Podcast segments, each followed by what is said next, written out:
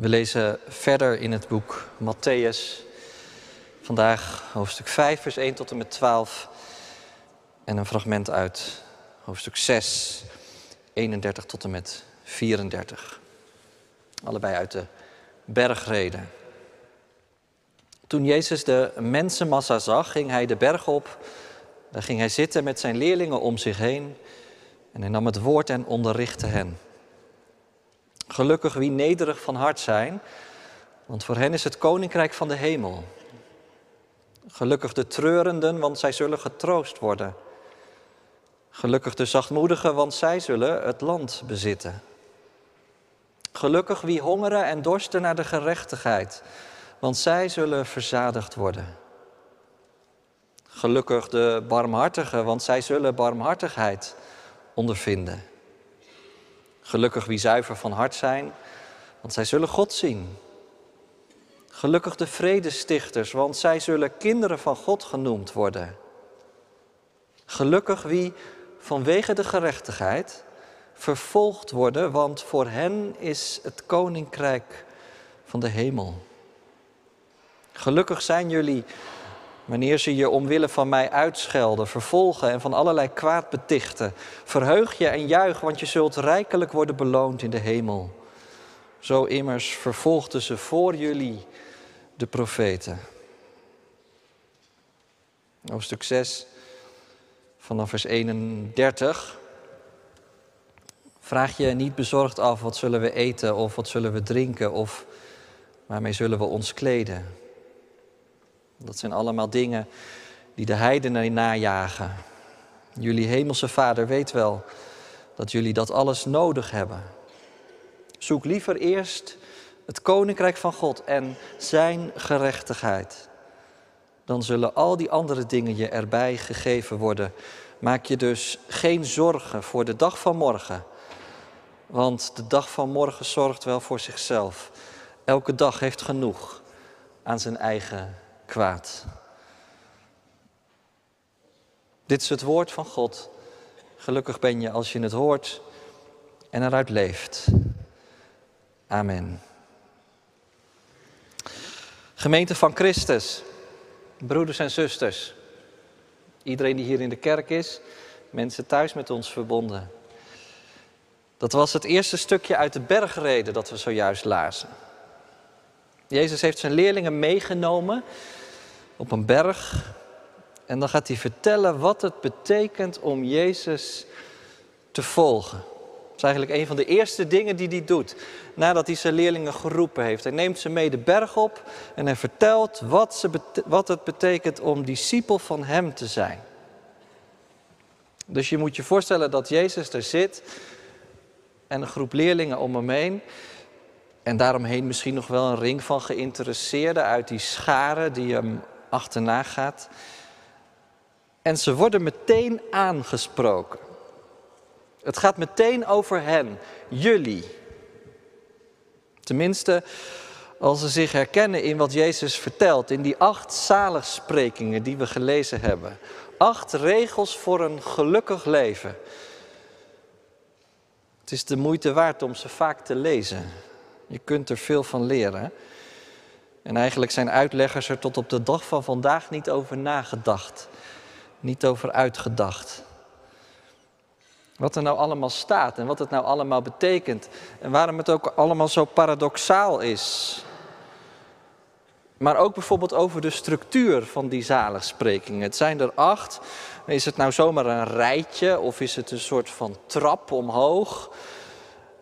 Ik las een mooie uitleg die me aansprak en die gaat als volgt. Die eerste drie gelukswensen, die gaan eigenlijk over de weg naar binnen. Over het karakter van een gelovig mens.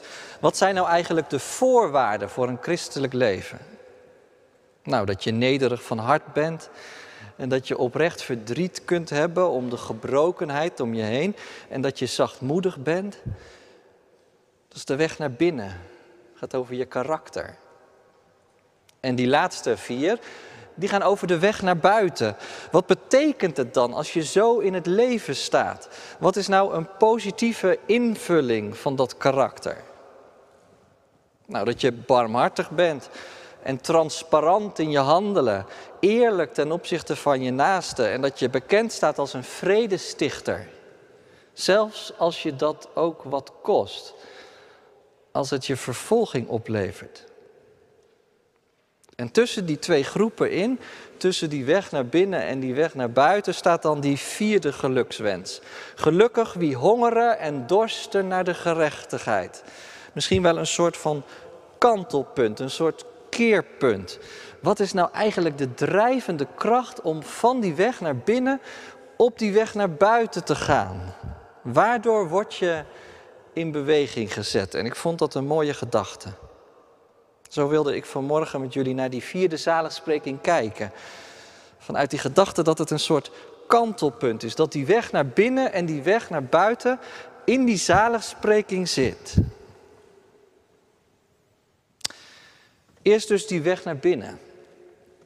En wat dan meteen opvalt is dat het bij deze gelukwens inderdaad ook echt om onze binnenkant gaat. Het gaat om een hele diepe emotie, een intens verlangen. Jezus heeft het over hongeren en dorsten. Nou, dat is natuurlijk een heel sterk beeld en zoals wij hier zitten herkent waarschijnlijk niemand het echt. Misschien ben je ooit wel eens verdwaald tijdens een lange wandeling en was het water op in de bergen of zo. Heb je er iets van het begin van, van wat het is om een tijdje dorst te hebben? Maar als je verhalen hoort over mensen die echt door een periode van honger en dorst zijn gegaan, dan schrik je, dan weet je niet wat je hoort. Over mensen die in de hongerwinter op pad moesten om eten te zoeken. Alles hadden ze er voor over om dat nare gevoel van binnen tot rust te brengen. Honger en dorst. Ze zetten een mens inderdaad in beweging. Gelukkig ben je, zegt Jezus, als je honger en dorst hebt naar de gerechtigheid. Met andere woorden, gelukkig ben je als je aan niets anders kunt denken, want zo diep gaat het dan wel, dan aan het recht. Gelukkig ben je als het onrecht je zo in de greep heeft gekregen, als je er zo door in beslag bent genomen, dat je niets anders meer wilt dan een einde eraan. Dat je niets anders wilt dan manieren vinden om het onrecht te stillen. Mijn vrouw Adrienne werkt bij de publieke omroep en die spreekt veel journalisten. En we hadden het deze week erover, over waar ik dan mee bezig was. En, en zij vertelde dat ze wel collega's heeft die die letterlijk verscheurd zijn door het onrecht dat ze zien en dat ze ook professioneel gewoon op papier moeten zetten. Iemand die enorm veel Jezidis had moeten interviewen. En de vreselijke verhalen optekende van vrouwen die tot slaaf waren gemaakt. En die hun kinderen die geboren waren uit verkrachting achter hadden moeten laten in weeshuizen. Of dichter bij huis minderjarige jongeren op de vlucht die zomaar verdwijnen uit asielzoekerscentra, onrecht. Overal om ons heen misstanden in de jeugdzorg, waardoor jonge twintigers niet meer willen leven. Sommige journalisten liggen er wakker van en ja goed, als je zelf het nieuws volgt, jij misschien ook. Ik weet niet of je dat herkent. Maar als ik Jezus goed begrijp en als ik Jezus goed hoor, dan hoort dat op een bepaalde manier bij het leven van een leerling van Hem. Dat je er echt aan leidt dat er zoveel scheef is in de wereld. Waarom? Omdat het niet zo is zoals God het heeft bedoeld. En dat het je daarom steeds meer gaat opvallen dat mensen soms zo enorm egoïstisch kunnen zijn. Dat het je werkelijk pijn doet om het verhaal te horen over iemand die buiten de boot valt. Of dat je er wakker van ligt dat ons verlangen naar economische groei vaak zoveel groter is dan onze zorg voor de schepping. Kosten wat kost, groter, groter, groter. En ondertussen, maak ons hart onrustig, Heer, zingt een lied. Dat is een heel vreemd gebed. Stort in ons uw tranen uit Steek in ons uw woede aan. Daar gaat het over. Dus als je het hebt over die weg naar binnen, dan is dit denk ik wel de eerste stap. Dat je onrustig wordt. Dat zou zomaar het werk van de Heilige Geest kunnen zijn. Onrust van binnen. Gelukkig ben je als het onrecht je niet koud laat. Als je de sceptisch en het cynisme achter je laat. En als je dat doet, ja, dan moet je denk ik ook een tweede stap zetten. Want dan moet je ook jezelf kritisch onder ogen durven te komen. Want je kunt zo wakker liggen over het onrecht, maar wat doe je eigenlijk zelf? Wie ben jij voor God? Kijk, als we het over gerechtigheid hebben, dan denken we vaak in eerste instantie aan sociale gerechtigheid. En dat is ook goed. Maar in de Bijbel heeft het woord gerechtigheid ook altijd nog een andere betekenis in zich. Meer juridisch zou je kunnen zeggen. Gerechtigheid, dat betekent een leven leiden dat helemaal in overeenstemming is met de norm van Gods woord. Beetje zoals wat we gelezen hebben uit Leviticus. Zo'n leven leven. Echt eerst het koninkrijk van God zoeken en zijn gerechtigheid. En dat je leven en je handel en je wandel dan helemaal strookt met dat. Ja, en als je dan die weg naar binnen gaat, dan wordt het natuurlijk ook wel spannend. Want dan klinkt de vraag, ja, maar hoe leef jij eigenlijk voor God? Leef jij recht voor God? En dat is niet een vraag die we in de kerk stellen om moralistisch te zijn, maar dat is een vraag die Jezus gewoon zelf stelt. Echt maar een paar versen verderop. Matthäus 5, vers 20. Ik zeg jullie, zegt Jezus, als jullie gerechtigheid niet groter is dan die van de Fariseeën, dan zullen jullie het koninkrijk van God niet binnengaan. En zo brengt die weg van binnen ons op een heel spannend punt. Net als met dat elastiekje, er komt spanning op te staan. Dat voel je aan alles. Dat verlangen naar gerechtigheid. En dat dat dan niet alleen over de buitenwereld gaat, maar, maar ook over mijn binnenkant. En dat ik er ook zelf naar verlang om in gerechtigheid te leven. En dat ik dan mijn eigen tekort onder ogen moet komen. Eén zo'n gelukswens. Maar Jezus, waar brengt u mij? Als ik dat allemaal op me in laat werken. Nou, dan ben je volgens mij bij de kern gekomen van waar die gelukswens je brengen wil. Namelijk bij het verlangen om werkelijk gelukkig te zijn. En dat verlangen, dat wordt denk ik opgewekt juist door ook zo met je eigen hart bezig te zijn. Wat gebeurt er met je als het menens wordt met je geloof? Als christen zijn niet langer een gedachteoefening is, of een kwestie van in een bepaalde traditie staan, maar als je werkelijk leerling van Jezus wil zijn, nou dan betekent het dat je honger en dorst krijgt naar de gerechtigheid. Naar de gerechtigheid in zijn volle omvang voor de wereld en voor jezelf. En zo trekt Jezus met deze zaligspreking als het ware de mensen die om hem heen zitten naar zichzelf toe. Naar de kern van het evangelie, naar zichzelf. In feite opent het verlangen naar gerechtigheid een verlangen naar Hem. Naar Hij die de gerechtigheid brengt en is kunt je zo voorstellen dat Jezus daar zit op de berg en de leerlingen zitten tegenover hem.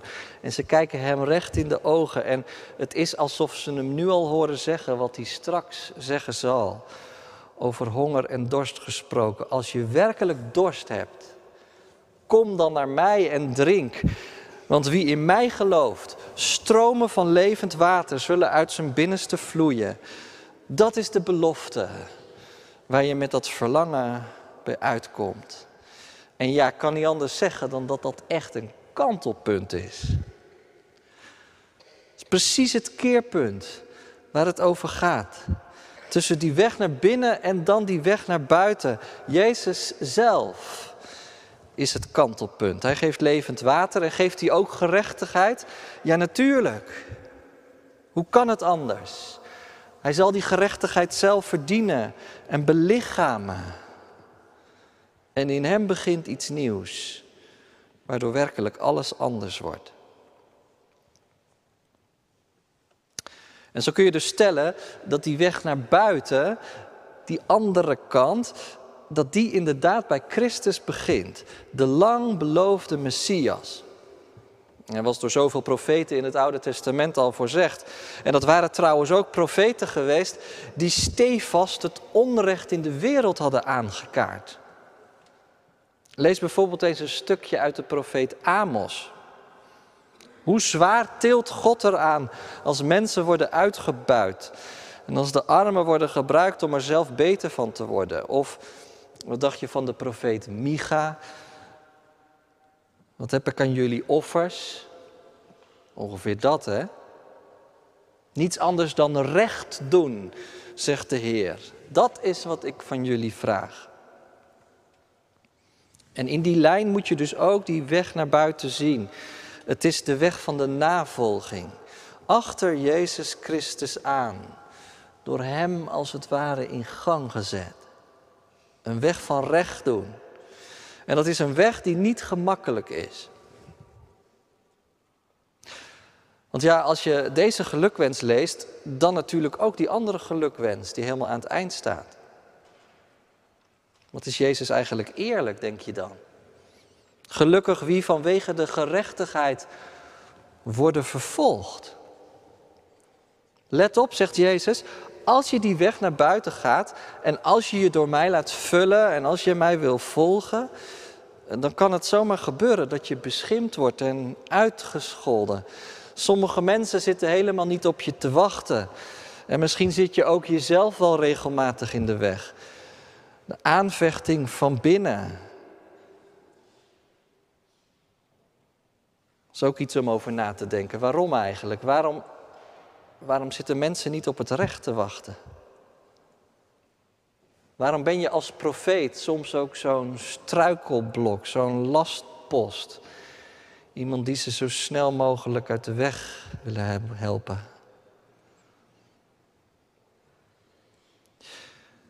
Nou ja, dan zijn we inmiddels bij de tweede helft van die vierde gelukwens gekomen.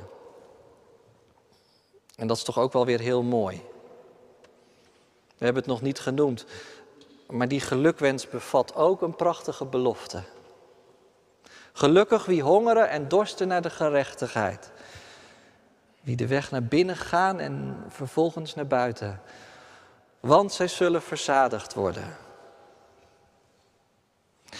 Ik dacht, het is nog best wel lastig om uit die belofte te kunnen leven. Ik weet niet wat er door jou heen gaat als je, als je daaraan denkt. Verzadigd worden, wat moet ik me daar nou precies bij voorstellen? Is dat dan iets wat in de toekomst zal gebeuren? En als dat dan zo is, kan ik daar dan nog bij? Ik dacht, wie durft dat eigenlijk nog vandaag de dag? Om daaruit te leven, uit die belofte. Durf jij het? Inderdaad, achter Jezus aan te gaan op de weg naar buiten, de weg van het recht doen. En je dan over te geven aan dit soort beloften die in de Bijbel staan. Eigenlijk is dat net zo kwetsbaar als die kwetsbaarheid van dat hongeren en dorsten. Wat is geloven eigenlijk een kwetsbaar ding? Dat je weet dat het niet in je eigen macht ligt om de honger en de dorst weg te nemen. Gerechtigheid is ook niet maakbaar. Moet aan ons gegeven worden. Het is ons al beloofd. We kunnen er af en toe iets van proeven en we worden uitgenodigd om die weg te gaan. Maar steeds weer, de voltooiing staat nog uit. En in die spanning leven wij. Er zijn best veel mensen die sceptisch zijn geworden over de toekomst van deze wereld. Is het niet veel realistischer om je maar gewoon neer te leggen bij alle ongerechtigheid en eigen gerechtigheid die je overal tegenkomt? Hoeveel mensen hebben de hoop al opgegeven? En hoeveel experimenten zijn er niet geweest in het verleden met grote systemen die tot heil van de mensheid zouden zijn, maar volledig ontspoorden? En dan hebben we het in de kerk over het koninkrijk van God. Over een vrederijk dat aanbreken zal. Is dat geen wishful thinking? Nou, ik denk het niet. Misschien moet je die vraag ook voor jezelf maar eens beantwoorden. Maar ik wil het niet geloven dat het wishful thinking zou zijn. Je zegt, ja, maar hoe weet je dat dan zo zeker? Nou, de grond daarvoor ligt in de belofte van God. En God wil ik vertrouwen. In het geloof dat je bij Hem niet bedrogen uitkomt. Maar daarnaast, het bewijs ervan zie ik om mij heen. Als je ziet wat er veranderen kan. Als een mens de weg naar binnen gaat en Christus ontmoet en een hart verandert. Misschien heb je wel wat zien veranderen in je eigen hart. Heb je het verlangen dat geboren werd naar gerechtigheid bij jezelf gezien en gemerkt hoe dat steeds intenser werd en wordt? Of je hebt iets zien veranderen in de harten van mensen om je heen. Je hebt het gezien in kleine daden van gerechtigheid. In moderne profeten die zich ook vandaag de dag nog blijven inzetten voor het recht. Soms tegen de klippen op en tegen de vervolging in. Je hebt het gezien in broeders en zusters wereldwijd die omwille van Christus worden vervolgd. En hun leven in navolging op de weg naar buiten toch niet opgeven. Die zich ondanks alles gelukkig weten. Zoals Jezus al had voorzegd. Al die mensen die de weg naar buiten zijn gegaan, ze zijn een levend bewijs tot op de dag van vandaag dat de geest werkt, mensen nog steeds in beweging brengt en harten verandert. En waar loopt het dan allemaal op uit? Nou, dat lees je in het laatste hoofdstuk van de Bijbel, in het boek Openbaring. Toch echt op die dag dat die beweging tot haar voltooiing komt. Het recht volledig doorgebroken, de verzadiging compleet. Gelukkig zij, want ze zullen verzadigd worden. Openbaring 7, vers 16 zegt, ze zullen niet meer hongeren, niet meer dorsten. Ook zal de zon niet op hen vallen, nog enige hitte. Want het lam dat in het midden van de troon is, zal hen weiden en hen voeren naar waterbronnen van leven. Wat een hoopvol beeld. Verlangen naar. Gelukkig ben je als de weg naar buiten je uiteindelijk daar mag brengen. Amen.